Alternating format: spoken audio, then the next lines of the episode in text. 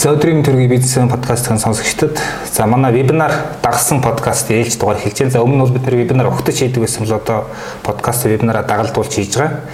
За өнөөдрийн подкастын маань сэдэв бол за ISO 30400 гэдэг юм хүний нөөцийн менежментийн тогтолцооны одоо шинэ стандарт байгаа. Нэлээд тийм том өргөн хүрээх хамарсан юм стандарт. Энэ стандартын талаар ярина. За өнөөдрийн манай зочин бол Global Talent Management компани захирал наран цасрал өдрийн мэнд танд. За өдрийн мэнд. За баярлалаа. За тэгэхээр наран цэцэл зөвлөх маань бол одоо хүний нөөцийн менежментийн мэрэгсэн зөвлөх гэж байгаа. За хүний нөөц дахаав, чанарын менежмент, байгаль орчин, авилгын эсрэг менежментийн чиглэлээр юм тэргүүлэх аудитор гэдэг юм одоо мэрэгчлийн цолтой юм мундаг зочныг бивэрэд байна. Баярлалаа. За тэгэхээр подкаст эхлэхээс өмнө спонсороо дурдъя. За манай бизнесийн подкастын спонсороор одоо Цэник Алтан гаг нүрийн бэлтгэл гэдэг бүтээгдэхүүн ажиллаж байна.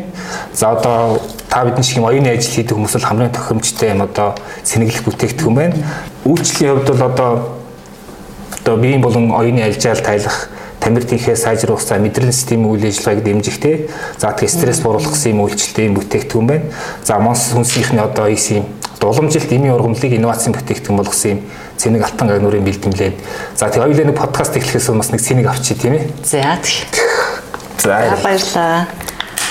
Манай Мос группийн бүтээгдэхүүн. Та таныг би бас Мосыг дойр ажилладаг байсан гэдэг. Харин тийм.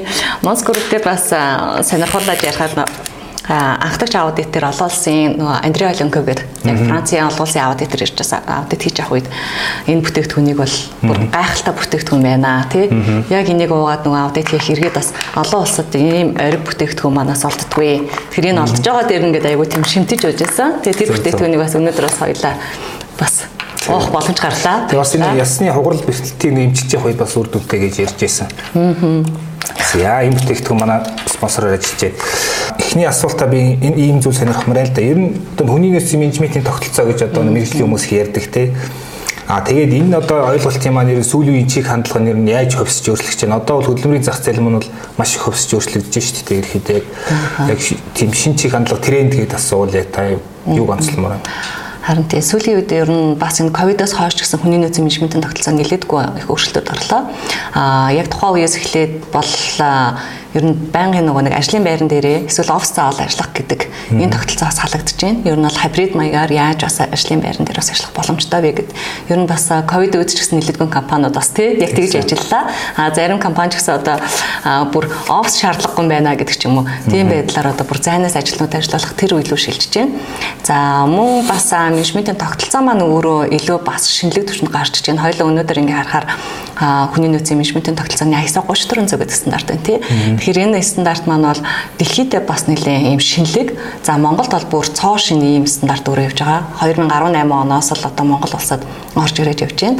За олон улсад бол 16 17 онуудад ингээд анх олон улсын стандартын байгууллагаас бол гаргаад ингээ хийгээд хэрэгжүүлээ явж байгаа. Тэгэхээр энэ хүрээнд бол ер нь байгууллага болгон дээр тулгараад байгаа асуудлуудыг бол шийдэх боломжууд нь бол нэлээд байгаа юм байна. Эргээд энэ стандарт дээр бас таны бас сая асуугаадсан шинэ трендүүд юу вэ гэдэг тийм. Тэгэхээр тэр трендүүд үзэл санаа юмнууд бол нэлээдгүй гарч ирж байгаа. Тэгээд бүр цоо шинээр одоо хуучин бид нар бол компани засаглал гэж мэддэг гэсэн бол одоо бүр хүний нөөц маань өөрөө бүр засаглал гэж яригддаг. Энэ том юмд орж ирлээ. Тэгээд хүний нөөц бол өөрөө бүр юм том нөөц те цөм нөөц юм а байгуулгын хамгийн чухал зүйл юм а гэд.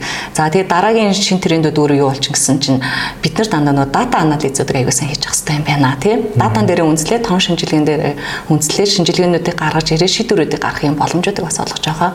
Ийм аналитик ур чадварууд бас аяг их шаардж байна гэдэг байдлаар харж байна. За мөн хүний нөөцийн менежментийн одоо үйл ажиллагаанууд бол илүүтэй яаж юм гэхээр бүр одоо химэл оюун ухаан дээр суурилсан байдлаар жишээлх юм бол одоо бүртгүүлтийн 67%-ыг одоо химэл оюун ухаан дээр суурилсан байдлаар бүртгэл сонголтуулалтыг хийж ин гэдэг юм уу те. Тэгэхээр ийм технологийн юм шин шин шийдлүүдийг бас гаргаж ирж байна. А мөн түүгэрч барахгүй одоос Монголд орж иж байгаа таад манаас харж байгаа бах те. Мета metaverse, metaland гэж явж байна. Тэгэхээр ерөөсөө бүр яг юм бодит орчин гэхээс илүү тий дээр бүр ажиллах энэ орчнуудыг бас бий болгоод ингээд олон улсаас тийш шин шин ур чадварууд хэрэгжүүлж байна. Тэгээ тэн дээр өөрсдийнхөө одоо жишээлх юм бол аватарыг бүтээгээд аватартаа үнслээд нөгөө яг тэрүүгээр яг энэ бодит орчинд нь тий тэр хиймэл орчинд очиод бодит байдлаар үйлчлэгийг яаж авах эргээд хүний нөөцтэй холбоотой жишээлх юм бол яг бүрдүүл сонгож холбоотой холбоотой зам төлгийн тест гэдэг юм ярьцлаганд орох гэдэг юм уу? Энэ зүйлүүдийг ийм өөр арга барилаараас хийгээд ингээд явж байна. Тэр энэ зүйлүүд бас нэлээдгүй шинэлэг юм харагдаж явж байгаа. Тэгэхээр яг хуу ISO 30400 гэхээр яг ингээд ISO гэж тоо хэлэхээр ингээд хүмүүс яг уйдтай санагддаг шүү дээ тий.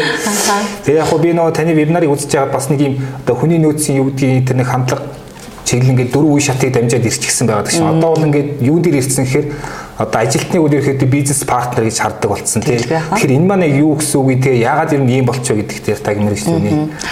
Тийм одоо яг нөгөө байгууллагууд маань илүү бүтээгдэхүүн үйлчилгээ тий зүйлүүдэд хэрэглэгчтэй одоо сэтгэл ханамжтай сайн үйлчилгээ үзүүлнэ гэхээс илүүтэй одоо яаж юм гэхээр өө дотоод хэрэглэгч буюу ажилтнууд маань айгу тийм бас сэтгэл ханамжаа сайн байх хэрэгтэй юм байна. Тэгжиж бид нар нөгөө илүү хүрээд одоо хүрх гээд байгаа үр дүндээ бүтээмжтэй илүү аз жаргалтай юм байх боломжууд бас бүрдэж байна гэж хараад байгаа байхгүй. Тэгэхээр яг үе шатынхаа хувьд харахаар хуучин бол нөгөө хүний нөөцийн менежмент маань боловсон хүчин гэж их ярьдаг гэсэн. Манайхан бол одоо аав ээжнэр маань бол хамгийн их ярьдаг юм бол боловсон хүчин гэх тээ. Тухайн үед одоо юу илүү ярьдаг гэсэн хэрэг яг өдөр тутамдаа зөвөр тушаал шийдвэрүүдээ гаргасан уу юу гэдэг зүйлүүд илүү ярьдаг гэсэн бол одоо л бүр энэ маань бүр менежментийн шинжилгээ ухаан болоод илүү бизнест яаж нөлөөлөд байгаа юм бэ гэдэг зүйл рүү илүү орж ирж байна. За жишээлх юм бол хоёул ингээ авч үзье. Одоо ажилтнууд ур чадвартай байснараа байгууллага яагаад тэр стратегид илүү нөлөөлөд байгаа юм тий. Тэгвэл нөгөө байгууллагч алсын арга эрхэм зорилго тодорхойлоод тухайн бизнес стратеги тодорхойлоо явчлаа. Тэрэнд хүрэхийн тулд бид нар ямар ур чадвартай ажилтнуудтай байх хэрэгтэй юм бэ гэдгийг төрүүлээд одоо тодорхойлно. Тэр хэдэн тооны ажилтан байх юм. Энэ жил үү эсвэл эх жил үү түүний дараагийн 2 3 жил үү гэдгийг тодорхойлоод эргээд энэ болгон дээр нөгөө стратегийн үр дүнгууд өөрөө гарч ирж байгаа. Тэгэхээр яалтчгүй юм стратегийн түнш болсон байгууллагын ашиг орлогот хүмүүсийн маань мэдлэг уур чадвар хандлага гэх бүх зүйл маань өөрөө нөлөөлдөг болчиход байгаа учраас ерөөсөө энэ ажиллах хүч буюу хүн гэдэг зүйл рүүгээ анхаарах хэрэгтэй юм байна. Гэдэг хүн төвтэй менежментийн үйл ажиллагаанууд байгууллагад маань ороо явж байна гэсэн үг. Тэгэхээр одоо яг ингээд түрүү яд боловсон хүчин гэж бид нэр ярьдаг. Одоо бол ингээд шалуур болсон гэ тэ. А тэгэхээр одоо юу асах гээд нэхэр сая та ур чадвар гэдээ ярьлаа тэ дээр өмнөх подкастн дээр болохоор энэ хөц ихэл нэг айгуу гоё хэлсэн нэг надад тэр нэг хүлцсэн аахгүй ингээд бид нар хүнийг ажилд авдаг, ур чадварыг ажилд авдаг гэх тээ. Тэгэхээр бид одоо бизнес үүсгэн байгуулж байгаа хүн эсвэл одоо бизнесээ тэрхэж байгаа хүн эсвэл одоо юу гэдгийг хүний нөөцийн тэр бодлогоос эхлэж хүний хувьд тэр нэг ур чадвараа юу гэх юм зураг авалтыг яаж хийх үү? энэ дээр юунаас эхлэх үү гэдэг дээр та тэгээд надад ямар ур чадвар хэрэгтэй гэдгийг ойлгох гэдэг шүү дээ. Зөв зөв. Тэрийгээ бас би яаж тодорхойлох юм те яаж мэдх юм байгууллага яаж үнэлээд байгаа гэдэг. Аа сүүлийн үед олон улсад бол нөгөө чадамжийн стандарт гэж байгаа. Чадамж дотроо угаасаа тухайн ажил мэргэжлийг та ингээ хийхэд ямар мэдлэг ур чадвар хандлага өөрөө байх хэрэгтэй юм бэ гэдэг дотор нь төвшингүүдээр нь хуваадаг. Аа бидэд одоо хөдөлмөрийн тухай хууль шинжилгэцнийг манайхан бүгдээр мэдж байгаа. Аа тэгэхээр шинжилгэцнээс хойш харах юм бол хэдүүл 17-гийн 6 дээр байгаа. Яг ажил мэргэжлийн стандарт буюу тэр чадамжийг хэрхэн гаргаж ирэх хэрэгтэй юм бэ гэдэг. Тэгээ байгууллагууд энэ маань өөрөө юм бас шинэ вэ. Хуучин бид нар бол ер нь байгууллага болго өөрсдөө онцлогт таруулаад одоо яг Procter and Gamble гэдэг юм өөр байгууллагуудын жишээ заагвар ур чадрын матрис тодорхойлтуудыг илүү ашигладаг байлаа тийм. Илүү мэрэгжлийн талдаа ямар байх вэ? Хувь хүн талдаа ямар байх ингээл байгууллага өөрсдөө. Одоо бол илүү бүр ингээд өндөр түвшний стандарт гэдэг зүйл рүү орж байна. Тэгэхээр ажил мэрэгжлийн стандарт гэдэг зүйлийг бол 17-ын 6 дээр зааснаар тэгэлэнт нь бол түвшин болгоно орны стандартыг яаж хэрэгжүүлэх вэ? Энийг хэрхэн яаж гаргаж ирэх вэ? Та сая үнэлгээ гэдэг чинь тийм ямар шинжилгээний аргачлалууд байна гэхээр дагум аргачлалаар хийж байгаа. А мөн Sky гэдэг олон улсын бас энэ Германаас хүмүүс ирж бас бэлдээд ингээд бас үнэлгээчдэг бэлтдэг. Тэр тэр үнэлгээч нь бэлдэх болон эргээд энийхээ аргачлаар яаж хийх вэ гэдэг юм Sky гэдэг бас аргачлалууд байдаг. Тэр аргачлалуудыг бас ашиглаж ур чадваруудыг бол тодорхойлж гаргаж ирж байна.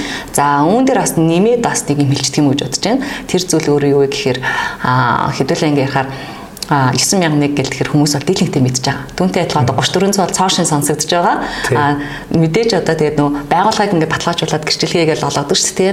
За энэ маань өөр 9000 нэвтрүүлсэн байгууллага байна гэдээ олгодогтой адилхан одоо сүүлд илүү юу л орж ийн гэхээр ISO 27000 17024 буюу ажилтныг баталгаажуулдаг. Тэр өөрөө юу гэхээр яг таны асуугаа да тэр нөгөө чадамжгээ гаргаад тодорхойлчлоо.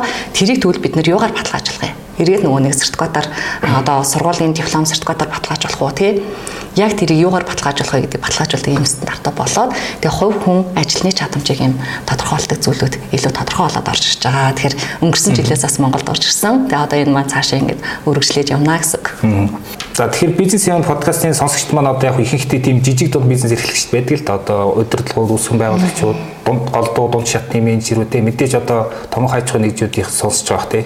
А тэгэхээр яг би нөгөө нэг дандаа тэр тал руу нөгөө нэг жижиг дундынханд илүү тос олох өцгөөс нөгөө нэг асуултуудад явах гэж хичээдэг. А тэгэхээр яг ингээд одоо жижиг дундын эзэн бол энэ олон стандарт үүдгийн энэ олон одоо юу гэдгийг те стратеги менежмент гэл бах юм зэрэг орох нь боломж тийм чадамж нөөцөж байхгүй шүү. Тэгээд одоо хамгийн гол арга нь бол мэрэг та нар шиг мэрэгжлийн хүмүүст л хандах хэрэгтэй болж байна л да. Тэгэхээр ядаж одоо таны түр хэлсэн шиг нөгөө нэг 17-гийн 6-гаа эхлээд уншаад ямар ур чадвар хэрэгтэй байгаагаа одоо мэдээд авчихсан шүү дээ. Гэхдээ энэ стандартаас юу гэдгийг одоо яг энэ жижиг дунд бизнес эхэлж байгаа хүмүүст яг та зүгээр зориулаад хэлэхдээ юу анхаарах вэ? Энийг зүгээр уншаад үзэхэд тэндээс одоо жижиг дунд бизнес эрхлэгч юу олж авахаар байна? Аа хууль дээр бол яг 17-гийн 6 дээр нэг жишээ нэг өгүүлбэр байгаа. Тэр бол өөрөө яг нөгөө чадамжтай холбоотой мэдээллүүдийг л ингэж үнэлнэ юу чадамжийг тодорхойлно гэсэн юм зүйлүүд байгаа байхгүй. Аа юун дээр болохоор энэ 3400 бас энэ багц стандарт дотроо хэрхэн одоо нөгөө ажилтнуудыг одоо л нөгөө жижиг дундуудын хувьд бол хамгийн их талхооны өвчин бол баг яаж ажилтнуудыг олох тий сайн чадвартай ажилтнуудыг олох вэ? Эргээд доктортой ажиллах вэ? Сэтгэл хангамжтай байх вэ? Нөгөө хүнээ бэлдээд алдаад иртэй гэдэг асуудал өөр явж байгаа. Тэгэхээр тэрний цаанаас яг анханасаас нэг төлөвлөлтийн юмнууд явж байгаа. Тэгэхээр төлөвлөлтөө хийхдээ бид нар яг ямар ур чадвартай хүн байх юм бэ гэдгийг мэдээж байгууллагын удирдлагууд маань бол илүү хамгийн амархан харах зүйл өөр юу гэхээр за бид нар яг энд хүрэх гээд байгаа юм ингээд нэг тодорхойлох зэгээ гаргаад ирлээ тий. Тэгвэл тэнд хүрэх гэж бол энэ хүмүүс маань хэдэн хүн авах юм, ямар ажил мэргэжилтэй хүн авах юм гэдгийг эхний байдлаар бол чадамжаа тодорхойлоо байгаа. За тэгэхээр тэр чадамжтай холбоотой ер нь мэдээж бүрэн хангасан хүн шууд ажилд орж ирнэ гэдэг бол үнэхээр байхгүй тий мэдээж бол ур чадвар шаардлагатай юу шаардлагатай хэрэгтэй юу хэрэгтэй гэхдээ тэр ур чадварыг бас өөрөө хандлага одоо зөв хандлагатай хүн байх юм бол суулгах боломж өөрөө бүрэн байдаг учраас одоо яг энэ ISO 3405 буюу энэ хүний нөөцийн бүрдүүлэлтийн стандарт гэж байгаа. Бид нар яг ямар хүнийг ямар ур чадвартай хүнийг бид нар ажилд авах юм бэ гэд. Тэгээ тэрэн дээр бол ер нь гол бас харж байгаа зүйлүүд юу вэ гэхээр яг байгууллага өөрийнхөө онцлогоо таарсан тэр хүнээ аваад эхний ажлын ихний өдрөөс нь авахлаад нөгөө дасан зохицуулах бэлтгэх энэ үйл ажиллагаанууд угаасаа явнаа тий. хэрэгцээндээ тулгуурлаад зөв ур чадварыг олж авна гэсэн ийм зүйлүүдийг бас харж байгаа. А тхийн тулд яах вэ гэхээр байгууллагын нөгөө орц өөрөө яг шин авж байгаа тэр ажилтнууд болоод байгаа байхгүй. Тэгэхээр орц гэдэг маань бол нэг хідүүлээ мэддэг шүү дээ. Бүтээгдэхүүн үйлчилгээ гаргахад орц хэр чанартай бэ? Гарц яг тэрийгэ дагаад одоо үндсэн үйлдвэрлэлийн гарц өөрөө бий болдгоо гэж тийм. Түүнтэй адилхан яг байгууллагын хувьд бол хамгийн амархан тэр олон асуудлуудыг шийдэх боломж бол ерөөсөө анханасаа харж ирж байгаа ажилтнаа зөв үнэлээ, зөв тодорхойлоод одоо яг ажилд оруулах тэр хэсэг өөрөө байгаа даа. Тэгэхээр тэрэн дээр би болоход бол ажил одоо жижиг дундуудад маань хамгийн чухал юм өөрөө юу гэхээр тухайн байгууллага бусдаасаа яагаад онцлог өвөрмөц юм бэ гэдгийг хөтмөрийн зах зээл дээр таниулах нь их чухал. Тэгжээч нөгөө хүмүүс яах вэ гэхээр хүн хайж өөртөө ингээд зовхосоо илүү те?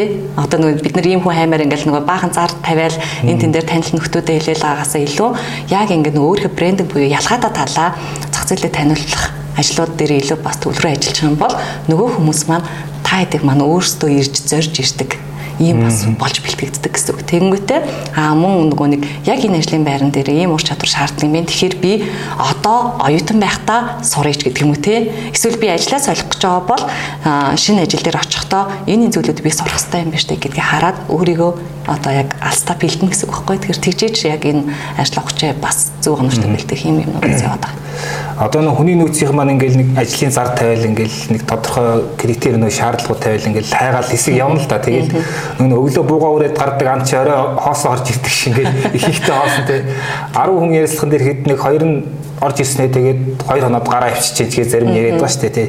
Тэгэхээр юу асуух гээд нэхэр одоо бидний ажлын зар түгээдэг одоо тий нэг одоо цуглуулдаг тэр аргачлал тэр форматтай ер нь шинжилгээ хэрэгтэй байна уу? Тэгээд таасаа бас чухал санаа ингээд тэр тухайн ажилд суралцж явах хэвтэн бас одоо сургуультай хамтарч ажиллах бас нэг арга байна. Ер нь нөгөө нэг сонгон шалгуулалт тэр татан авалт хийх аргачлалтай ямар шинжилгээ хийх хэрэгтэй. Одоо яг энэ хэвээр яваад бол бас нэг л болохгүй л байгаа харагдаад байна тий. Яг тэгж байгаа. Аа бас байгууллагын маань хамгийн их ярьдаг юм болохоор бүр ингэж яг ороод ирэнгүүт бид нэр сургууль шиг сургаад байна гэдэг тий. Тэгэхээр угаасаа нөгөө сургуулиудтай болон боловсролын системтэй бас хамтарч ажиллах юмнууд бол угаасаа нэлээдгүй гарч байгаа. Тэр бол угаасаа хэрэгцээ шаарддаг.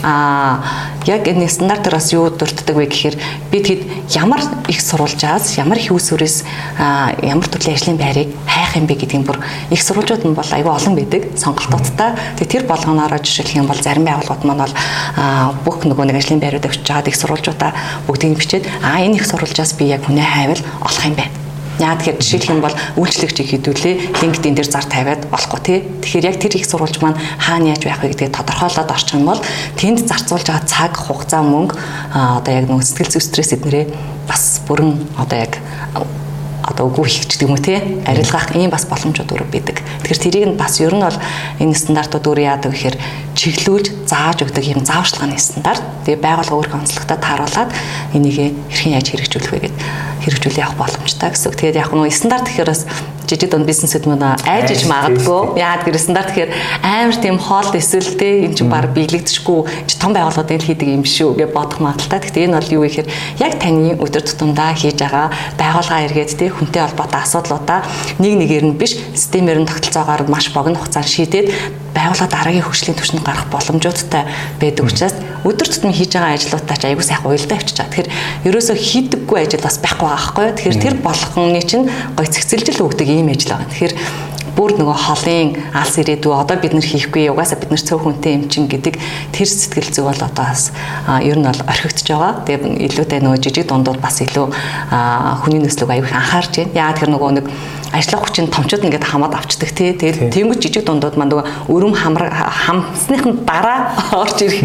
Тийм учраас одоо яг өөртөөгөө тэрэн дээр илүү анхаарч ингээд ажиллаж байгаа учраас стандарт руу бас нэлээдгүй төвчээлж бас орж ирээ. Зарим нэг одоо бол анхандаа бид нар бүрдүүл сонгож шалгуулалтаа хэрхэн хийвэл зүгээр вэ? Засаглалын хувьд ямар байвал зүгээр гэдэг нэг эхнээс нь ингээ эхлэн явж байгаа байгууллагаас нэлээдгүй байгаа. Тэгэхээр яг ийшээ угаасаа яг орж ирж байна. Харин зүгээр ажлын зар тавих одоо 2 2 3 аргаал бид нар ч хүнээ олж штэ ажлын зар тавиад нэг гэдэг эсвэл танил талаараа ингэ дамжуулж олж иг те. А ер нь тэрнээс өөр аргууд байж болох уу ер нь одоо бас хэрэгтэй хүнээ олох жишээ. Бага бага. Одоо тэг яг танил талаар олж байгаас гадна хэдүүлээ нөгөө бүрдүүл цанган шалгууратаа ихтэй. За яг энэ удаа эхний нэг номероор гарч ирээд тэнцэн үнэл бид нар ажил аваад байгаа шүү дээ. Тэгвэл 2 3-т нь жагсаж байгаа хүмүүсээ бид нар нөөцөндөө бүртгээд за дараа дараагийн өөр ажлын байр гарах эсвэл тухайн ажлын байран дээр яг нэлээд ажлын байр маань магадгүй дахиад нөгөө компани өргөжөөд ч юм уу те салбар нэмээд ч юм уу энэ тохиолдолд тэр нөөцүүдээсээ эргээд авах боломж бас байна.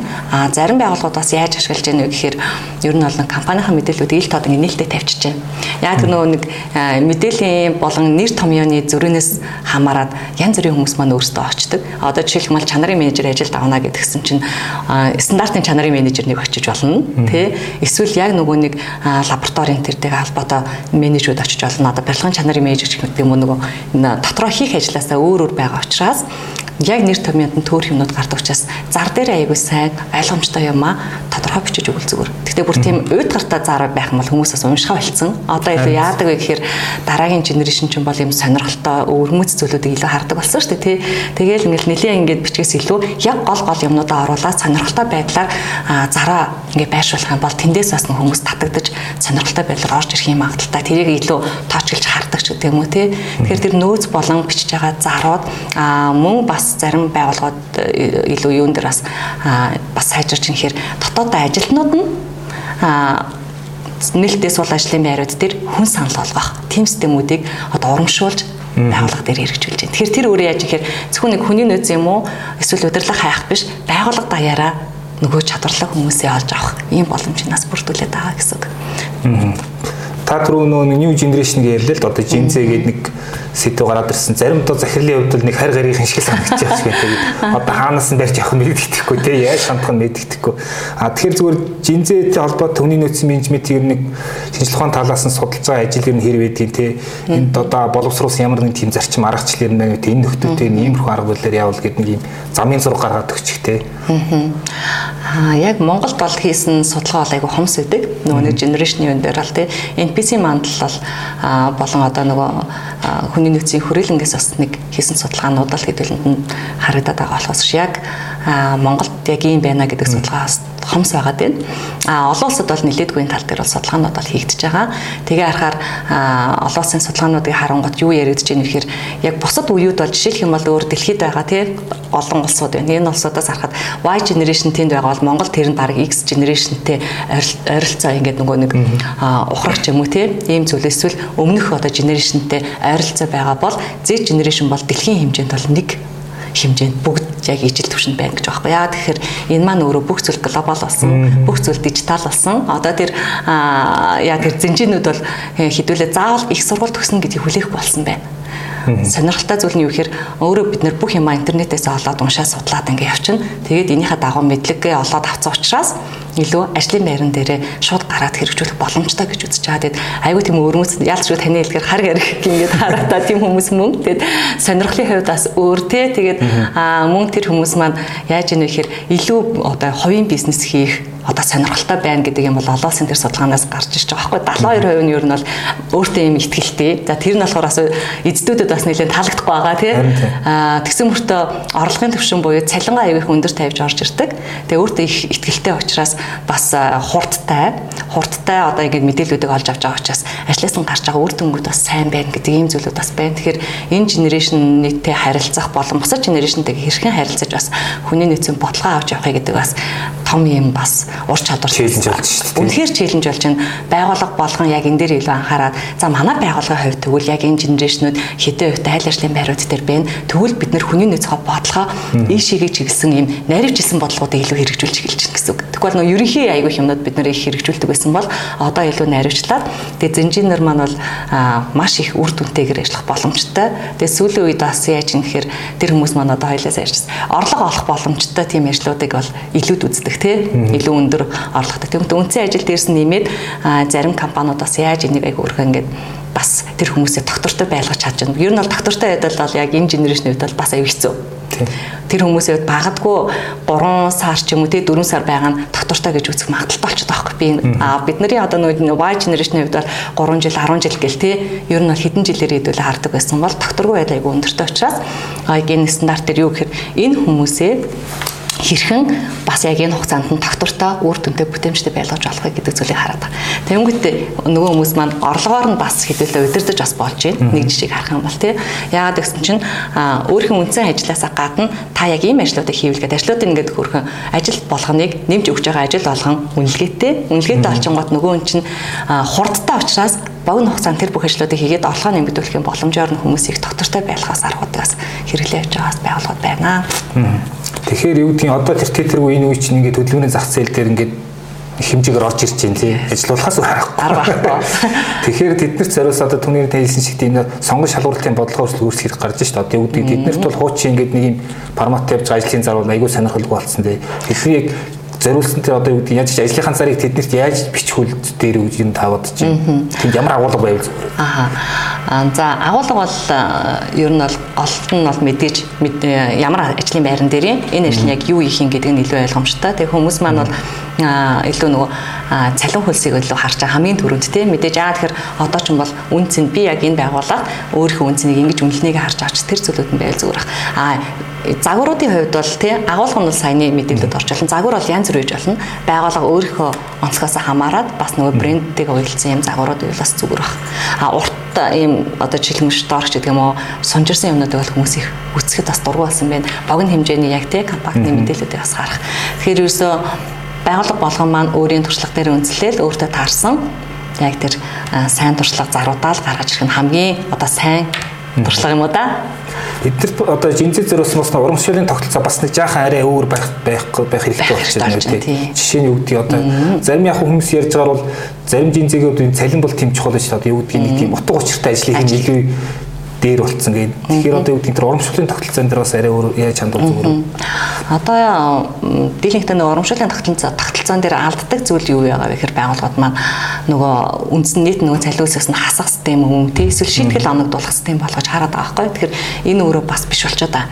Тэгэхээр э, нөгөө хүмүүс маань бол илүү бас мэдээж өөрийгөө үнэлүүлээд би хин бэ гэдэг тий үн цэнээс мэдэрч ажиллах амьдрах дуртай байгаа учраас тэгэхээр тэр болгоныг нь харуулахын тулд яг энэ ажлыг гэдгийг тодорхой гаргаж ирэх. А тэгээд бас дээрэс нь энэ хүмүүс маань тийм баригдаж нөгөө нэг гэрээ мэрээ хийх бас сонирхолгүй гэх юм уу да тий. Одоо яг ингээд за чи 5 жил ажиллах юм бол чам байр өгнөө. Эсвэл за одоо 1 жил ажиллах юм бол машин өгнө. Гэхдээ чи энэ гэрэн дээр гар хэсэг зурх гэх юм бол жоохон тийм нөгөө нэг тиймэрхүү зүйлүүдэд бас таагүй хандах. Яа тэгэхээр жоох итгэлгүй байгаад байгаа юм би надад итгэхгүй байгаа юм байна гэдэг нөгөө нэг өөрийнхөө хувь хүнийхээ үнцэн дээр бас орж ирээд ах магадлал бас байгаад учраас энийг бас аль талаас нь байгуулгууд өөрийнхөө жишгтээ нийцүүлж гаргаж ирэх вэ? Эргээд бас зинжинээс гадна зинжи дотроос хэдүүлэнгээ харахаар хувь хүн болгоны зан төлөвүүд өөр өөр байгаа. Тэ? Тэр тэр зан төлөвтэй нас уялдуулж бас айгу оновчтой ажиллах хэрэгцээнүүд бас үсээд байна л да. За баярлалаа. За тэгэхээр дараагийн асуулт руу орохоос өмнө спонсор бас нэг дурдчихъя тийм. Манайс подкастын дугаартай Цэник Алтан ан өнөрийн бэлдмэл хамтарч ажиллаж байна. За тэгэхээр дараагийн нэг асуулт юм байна. Одоо гээд бас ажлын заруудыг харахаар хүний нөөц маань хүний нөөц авна гэсэн зар маань өөрөө маш их байгаад байна шүү дээ тий. Тэгэхээр яг түрүүн та ярьсан боловсон хүчин гэдэг ойлголт байх үед бол бас хүний нөөц маань нэг тийм захиргааны ажилтан маягаар юм дандаа харагддаг байсан тий. Одоо гэтэл ингээд бас одоо зөвлөхүүдийн ярьж байгаагаар эн чинь бол ийм одоо стратегийн партнер тий одоо бизнес эзний болон эзний гэдэг үүсгэн байгуулагчийн тий стратегийн партнер. Тэгэхээр хүний гэтэл ингээд нөгөө талаас ингээд хүний нөөц маань өөрөө ингээд эн тэндээс авцраад ингээд ухсраад ажиллуулчдаг тийм нэг ажил тийм шиг одоо ажлын зарууд их яваад шүү дээ тий. Тэгэхээр энэ хүний нөөц гэдэг мэрэгжил маань зүгээр ингээд авцраад ажиллаулаад ингээд гэтэл тэр хүн чинь ингээд ирээд тухайн байгууллагын одоо өөх түүх төр дотоод төр сүнсийг сайн мэдэхгүй шүү дээ. Тэгээд нэг юм одоо захиргааны ажилтны шиг ингээд яваад өгдөг те. Гэтэл хүний нөөц мөн өндөр яаж ажиллах ёстой гэдэг дээр та яг мэрэгжлийн юу хэлэх вэ? Зөв зөв. За Монголд бол одоо хүний нөөцийг бас харцангуй нөгөө та сая тэгтэн эрэлт ихтэй байна гэдэг өөрөө сайн Яа тэгэхээр байгууллага болгон хүндээ аягүй ач холбогдол өгч байгаагийн бас нэг илрэлтэй. Тэгэхгүй бол нөө ажил олдохгүй бол хүний нөөцийн ажил хийчих гэдэг үе одоо өнгөрсөн байгаад байгаа. Хинч байсан хийчих боломжтой юу гэхээр бас биш болчиход байгаа. Яагаад вэ гэхээр хүн гэдэг чинь өөр аяа том нөөцтэй ажиллахад сэтгэл зүйн болон тэ тэр хүний дотоод мэдрэмж эдгээр аягүй чухал гэдэг. Тэгээ мэрэгжлийн бас ур чадруудаас их чухал байгаад байгаа учраас энэ хүний нөөцийн мэрэгжилтэн авна гэдэг нөгөө байгууллагууд маань илүү мэрэгжлийн түвшинд ажиллах гэдэг ийм зүйлүүд байна. За сургууль маань одоо жишээлх юм бол гитэмс дээр бол хүний нөөцийн одоо мэрэгчлэнүүдийг бас аягүй сайн бэлдэж байна. Яна ер нь бол 90-ад оноос хойш ер нь аягүй сайн бэлдэж эхэллээ шүү дээ. Түүнтэйгээ уялдуулаад энэ стандарт ч гэсэн өөрөө тэр магистрийн хөтөлбөрт хүртэл орсон байгаа даа. Тэгэхээр ер нь яг энэгээр юу хэлэх гээд байна вэхээр олон улсын энэ стандартууд маань бид нартээс хол гээгүй тий их ойрхон байгаа. Тэгээ энийгээ илүү хэдүүлээ яг ажил мэргэжилтэд хэрхэн яаж зөв бас оруулж нутагшуулж зөв одоо нэг хэлээр одоо нэр томьёо хүртэл нэг болсон. Нэг хэлээр яаж ингэж сурах, эргээд энэ хүмүүсээ сайжруулах, дадлагжуулах ийм бас боломжууд нас ингээд бүрдээж явж байгаадаас баяртай байгаа. Тэгээд ер нь бол хүний нөөц маань одоо тэгдэг. Тэгээ ер нь байгууллага бусад стандартад одоо жишээлбэл 9 мянган бол хэрэглэгчийн сэтгэл ханамж хийж байгаа бол хүний нөөцөө одоо ажлынуудынхаа сэтгэл ханамж аз жаргалтай байдлыг хэдүүлэх илүү нэмэх гээд байгаа тийм. Тэгэхээр тэр аз жаргал гэдэг нь өөрөө бас нөгөө нэг илүү одоо нөгөө хэлэх юм бол хайр одоо мэдээж хосын хайраас илүү тий тэр ажилнуудаа хандж байгаа үнэн сэтгэл те тэрэн дээр эргээд нэмээд яаж одоо ажилнуудаа илүү ажил олгогчтойгоо нийцүүлсэн байдлаар тэр бүтээмжинд хэрхэн үүсгэж ажилтнуудаа сэтгэл зүйтэй зөв онортой харилцах вэ гэдэг дээр бас аяг ур чадварууд илүү шаардж байгаа. Тийм ч учраас одоо яг бас энэ цуврал стандартуудын маань нэгдэр юу дурдсан байгаа вэ гэхээр хүний нөөцөд маань болон байгууллага, удирдлагууд, нийт ажилтнууд маань илүү оюуны болон сэтгэл зүйн эрүүл мэнд бас нэмж орж ирж байгаа. Тэгээд ажлын сайн сайхан байдлыг дэмжих юм хөтөлбөрүүдийг илүү тас зохион байгуулах ажлуудаас нэлээдгүй орж ирж байгаа явж байгаа юмнуудаас байна. Тэгээ бас энэ маань өөрөө бид нар бол биеийн эрүүл мэнд гэж аягүй ярьдаг гэсэн тий. Тэгэл нөгөө байгууллагууд маань жилдээ нэг удаа үзлэг энэ дээр тамруулаад за нөгөө эрүүл мэндийн байг учраас за эрүүл мэндийн чиглэсэн хөтөлбөрүүдээс хэрэгжүүлэх гэдэг байсан бол одоо шин зүйл бол өөрөө оюуны буюу сэтгэл зүйн эрүүл мэндийг аягүй сайн анхаарч харах хэрэгцээ асуусан. Энэ дээр би бас тодруулж асуунаа. Одоо нөгөө жижиг дундынхантай зориулаад би бас ингээд яг нэг юм тодруулж одоо хариулт авах гэдэг л дээ. Үг гэхээр за одоо би нэг 20 хүнтэй компанитай надад хүний нөөц хэрэгтэй тий. А гэтэл ер нь тэр захирал хүний нөөц шалгаруулах дээр ямар хуу ур чадвартай хүн ер нь сонгуул одоо зүгээр юм тий. Биш бэлтгэрийн зөвхөн дипломоос гадна нэг мэрэж одоо хүнийх нь хувьд тэр мэдрэмжийн хувьд тэмтэрмээр шүү дээ. Ааха. Сая тэгээ яг хэлдэг чинь нөгөө хүний аягүй сайн ойлгодог. Аа тэгэхгүй бол нөгөө захирал ингэсэн учраас гэт тий одоо яг нэг ажилнуудаа арай жоохон зингээд нөгөө харгасч гэдэг юм уу тий хүнд хандах ийм нөхцлүүд аяг байдаг учраас тэр одоо яг уур чадварууд хүнлэг байдал мэдл бол хүний нөөцийн ажилнуудын хувьд аягүй чухал. Тэгэхгүй бол яг нөгөө удирдлагын хэлснээр л яваад идэг бол тэр өөр бас хүний нөөцийн менежментэнд явахгүй байна гэсэн үг. Ер нь бол илүү нөгөө боловсон хүчний менежментээр жоохон дарангуул юм бюрократик шинжтэй тий одоо бол илүү юм уян хатан байдлаар яаж бас удирдах вэ гэдэг зүйл рүү хараад байгаа учраас хүнлүү нэг илүү чиглэж харж байгаа гэсэн үг. За сэтгэл зүйчийн төвшөнд яг тийм. Тэгээд дээрэс нь энэ хүмүүс маань тэр нөгөө аналитик ур чадваруудыг одоо хүний нөөцийн мэрэгжил ажил мэрэгчлэр хамгийн түрүүнд ярьж байгаа бол аналитик буюу тоон шинжилгээ үр дүн дээр дээр асан анализ хийх энэ ур чадварууд үнэхээр хэрэгцээтэй болж байгаа. Яагаад вэ гэхээр одоо хүний нөөц дээр дийлэгтэй ярьдаг зүйл нэг юм хүүрэн зөвлөбрээр мэдээлүүдээ ер нь ерхий байдлаар ярьдаг байсан бол одоо товч тодорхой тоон үзүүлэлтүүдээр ярих тоон дээрээ үндэслээд одоо яг нөгөө тоо өөрөө хүний урдаас ярьдаг болсон тий тоон дээрээ үндэслээд шийдвэр гаргалтан дээр удирдлагад бас дэмжлэг үзүүлэх зүйлүүдийг нэлээд бас хараа явж байгаа. Тэгэхээр нөгөө стратежик болцсон гэдэг нь бас тэрүүгээр харагдаж гэсэн. Тийм учраас одоо удирдлага тэр бүх юм дээр дүн шинжилгээ хийж аваад аа за дараагийн төл бизнесийн энэ чиглэл рүү бид нэр шилжүүлэх хэрэгтэй юм байна. Аа одоо нэмээд ийм бас хөрөнгө санхүү бүх зүйлүүдийг бид нэр зохицуулах хэрэгтэй юм байна. Хүмүүсээ ингэж сургаж хөгжүүлэх хэрэгтэй юм байна. Сургалт хөгжлөлтөөр бид нэр төсөв тавьж өгөх хэрэгтэй юм байна гэдгийг харна гэсэн үг байхгүй. Тэгэхээр энэ талын юмнуудыг илүү нөгөө хувь хүн талынх нь ур чадварууд нь илүүтэй байх нь зөв бах. Аа мэрэгжлийн ур чадварууд дээр бол мэдээж сургуул тий эсвэл ажлын байран дээр орж ирэх хүмүүс манаас сураад ингэ явчихж байгаа. За одоо хүн гэдэг чинь ажил дээр одоо амьдралынхаа 3-1-ийг өнгөрөөж байгаа шүү дээ. Одоо 24 цагийнхаа 8-ыг нь тий. Тэгээд сүүлийн зарим ингэ шин талаас харахаар зарим юм гадны байгууллагууд ялангуяа ингээд хурал хийж ирснээр дундуур нь бясалгаад авчиж байгаа байхгүй. Нөгөө нэг вэлбэ ингээд зарим төрөний таны ярьсан те тэр нэг одоо сэтгэл оюун санааны эрүүлэнд одоо зарим инх орших энэ төрөл янз бүрээр орчуулад байна л да. А юу асуух гэсэн хэрэг ер нь яг энэ чиглэлд одоо энэ хүний нөөцийн бодлоготой компаниуд юу тусгал зүгээр юм те ямар тийм төлөвлүүд вэ те одоо тэр яг тэгэхээр манай нийгэм чи ихэд амар юм стресстэй депресд орох нь амархан болцсон юм урамсгал бид нар амьдраад шүү дээ. Тэгэхээр энэ дээр ямар арга хэрэгслүүд байна. За янз бүрийн арга хэрэгслүүд байж болно. Гэхдээ түрүүний хэлдгэр ер нь байгууллага өөрийнхөө онцлог таарсан хамгийн сайн арга хэрэгжилж байгаа бол тэр бол хамгийн сайн туршлага шүү гэд дахин дахин бас хэлээд байгаа юм бас байна.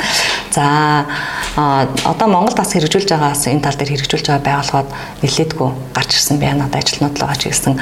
Mons Group одоо өнөөдөр ингээд ивент итгэж байгаа тийм. Mons Group маань бол ялтч байна. Wellbeing-ээр бас хамгийн түрүүнд бас ярьж мэдээлэл өгж бусдад туршлага хуваалцсан ийм бас байгууллага бас явж байна. Энэ дээр яаж юм гэхээр бас сайн юм жишээнүүд бол юу гэхээр яг энэ well-being-тэй холбоотой таван чиглэл хөтөлбөр хэрэгжүүлээд тэр хөтөлбөр нь айгүй үр дүнтэй байгаад энэ хөтөлбөрийнхаа үр дүн дээр нь ажилтнуудын доктортой байдал, эрх сэтгэл ханамж, тэ ажилтаа хандах хандлага бүтээмжид нэр өссөн гэдэг ийм тон үзүүлэлтүүдээр бол гаргаж ир танилцуулж исэн. Тэгээ тэр дотор нь бас юу байсан бэхээр гүцэтгэл дээр нь суурлаа цалин урамшуулгыг өгье. Эргээд ажилтнуудынхаа одоо нөгөө зэмжи болон бусад хүмүүсийн хамгийн хардаг ажлын орчин нөхцөл болчих тийм ямар орчин нөхцөл бид нэр илүү ажиллаж байгаа вэ гэдгийг илүү харж байна. Ажлын байран дээр нөгөө чөлөөтөө уран бүтээлч инновацлог байх зүйлүүдийн дэмжиж сая таа гэж ирт тийм. Тэрүүнтэй адилхан одоо шууд нөгөө нэг гинт ажил хийж яснаа л хүмүүс нөгөө сокер дээр тоглоал эсвэл гинт нөгөө ядарсан бол шууд амралтын өрөөтэй ч болсон байна тийм. Амралтын өрөөндөө ороод зарим нь уйлж болдог өрөөтэй. Уйлж болдог өрөөтэй байна. Тэгээд хашгирч уцаар яаж тийм ингэдэг өрөөтэй. Тэгээд эргээд бас нөгөө нэг хүүхдээ авах мах боломжоор нь хангахын тулд нөгөө ажлын уяатан цагуудыг илүү бас гаргаж ирж байна өглөө нь за жишээлх эхнэр нь хөргөд өгчин гэж бол нөхөр бол нэг 9 9:30 юм 10-аас ажил нь тий эхэлж байгаа бол орой 5-д таарна гэхээр нөгөө цэцэрлэгээс нь ч юм уу хүүхдүүд очиод авах боломжтой ч гэдэг юм уян хатан цагуудыг янз бүрээр нас ингээд хэрэгжүүлээд хийгээ явж гин. За орой нөгөө нэг бас ингээд ажил дээр ганц хоёр ярилцах уулзах юм байх юм бол нөгөө хүүхдийн өрөөнүүд бас төвчүүлсэн байна байгуулгад. Яа тэгэхээр энэгээр бас юу харж байна гэхээр ажиллахад таатай орчин нөхцөлтэй гэдэг байгууллагууд бас шалгаруулт үзүүлэлтүүд бас гарсан байна тий. Олон улсын үзүүлэлтүүдийг бас оруулж ирээд нэлээд олон шалгуур үзүүлэлтүүдээр харж агаад яг энэ бол ажлын байран дээр бас нөгөө нэг хата орчин нөхцөлсөн юм байгуулга байна гэдэг бас ингээ үнэлдэг. Сэтгүүлчулдаг юм бас үйл ажиллагаанууд бас явж байна. Тэгээд цэцэрлэг дээр байгаа юм шиг ажилтнуудын хүүхдүүд нэг өрөөндөө тий инээж хөрөө тоглох тэр бас орчингийн нас бүрдүүлж өгөөд. Ер нь хүүхдүүд дээр би яг ахиж бас нэг яахан тогтмоор л яг тэгэхээр манай нийгэмд ялангуяа тий хүүхэд тэгээ дээр нь хүүхдээ нэмээ төгжил одоо өглөө орой тэр авах одоо юу гэдгийг бас хөргөж өгөх гээд амар том юм ерөөсөө амьдралын хэмнэлийг тэр чихээр өөрчилж байгаа нэг том хүчин зүйл байна л да. Яг ийм нөхцөлд одоо юу гэдгийг за би жишээ нь хоёр хүүхэдтэй те ингээд сэрэг одоо цэцэрлэг сургууль явдаг. Тэр хоёрыг өглөө нь хөргөж хорой авах тийм хэрэгцээ байгаа. Гэтэл одоо нэг аав ээж нэг нь гэртээ ойрхон ажил хийхгүй эсвэл гэртээ байх хэрэгтэй болчиход байдаг байхгүй. Ер нь энэ хүүхэд гэдэг факторыг компаниуд хүний нөөцтэй бодлоготой ер нь яаж зөв тусах зүгээрээ тэр одоо юу гэдгийг дискомфорт мэдрэхгүйгээр тэр аав ээж бас нэг ажилламаар шүү дээ. Тэр хүүхэдтэй ч гэсэн. За бодлогоор бас дэмжиж байгаа зүйлүүд юу гэхээр богиносгсон цагаар ажиллаж байна хас. Яг нөгөө нэг бага насны хүүхдүүдээр хөдөлмөрийн хөл дээр байдагтай адилхан а нэмээд юу гэхээр за та яг үнэхээр юм байгаа бол богиносгсон тий цагаар та 2 цагийн өмнө тарж болно ч гэдэг юм уу. Эсвэл дундаа та цайны цагаа 2 цагаар юм уу 3 цагаар авах боломжтой. Тэр үеэр нөх хүүхдээ зөөх боломжтой гэсэн үг шүү дээ. Тиймэрхүү байдлаараас зохицуулж байна. А одоо бас нөгөө нэг UB cap бас гараад ирсэн бас амар ах шиг байна тий. Тэрүүгээрээс эцэг хүүд маань хүүхдээ хаана явж гин хаанаас ямар одоо унаа аваад яг гэрт нь хөргөж өгсөн үгүй гэдэг бас харах боломжтой. Тэрэн дээр нас тодорхой хэмжээний бас хөнгөлт урамшуул байх хоч гэдэг юм уу тий. Тим зүйлүүд дээр нас байгууллагууд дэмжих ажлуудыг бас нэлээдгүй хийж гин. А мөн бас хагацтан сайн дээр болон за 7 хоногт 2 удаа ч гэдэг юм уу нөгөө эцэг эхийн үр хөвгтүүдээ гэр бүлдээ гарах цаг маг гэдээ бас ингээд зохицуулаад Тэгээ тэрэнд нь зориулаад бүр ингээд бүх өрөөнүүдийг тохижуулаад өрөө олгон оронгод өөр мэдрэмж авдаг тий. За энэ бол Монгол одоо ийм өргөө байна гэдэг ч юм уу. За дараагийнхаар нь оронгууд за энэ яг уран бүтээлийн ийм өргөө байна гэдэг юм. Ингээд бүх байдлаар ингээд тохижуулаад гэр бүлээр нь бас яг тэр мэдрэмжийг авах гэр бүлтэйгээ тухайн цаг хугацаанд өнгөрүүлэх тэр боломжийг бас харж байна. Яг нөгөө нэг бүтэн 8 цаг гэж бас яг харахгүй бах. Ийм зүйлүүд төр байгууллагад бас бодлоготой тусгаж өгөөд явж байгаа. Тэгэхээр бас энэ бас айгүй тийм таашаалтай зүйл юм болов гэж бас хараад байгаа энэ сэдвэр яриад ээж болно л тэр хэдэн хүүхэд одоо гэр бүл гэдэг фактор бол угаасаа цааш нөлөөсөөр байх болно те тэгээд нөгөө гэр бүлтэй ингээд ийм тохихгүй байгаа гэвэл тэгэл ажил нь явахгүй шүү дээ. За баярлалаа. За ингээд өнөөдрийн подкаст өндөрлүүлье. Аа манай өнөөдрийн зочноор Global Talent Management компани захирал наран цэцэрлэл оролцлоо. За манай ивент тэтгэгчээр Монс улсынхны одоо инновацийн бүтээгдэхүүн гэдэг тий цэнийг ийм алтан гай нуурын бэлтгэл тэрт хамтарч ажиллаа. За Монс хүмүүсийн маань зочинтойгоос энийг бэлгэлээрэй гэж загсан байгаа. Ингээд энийг энд бэлгэлж тийм ээ. За. За баярлалаа. Монс хүмүүсийнхантаас ажлын амжилт хүсье. За баярлалаа.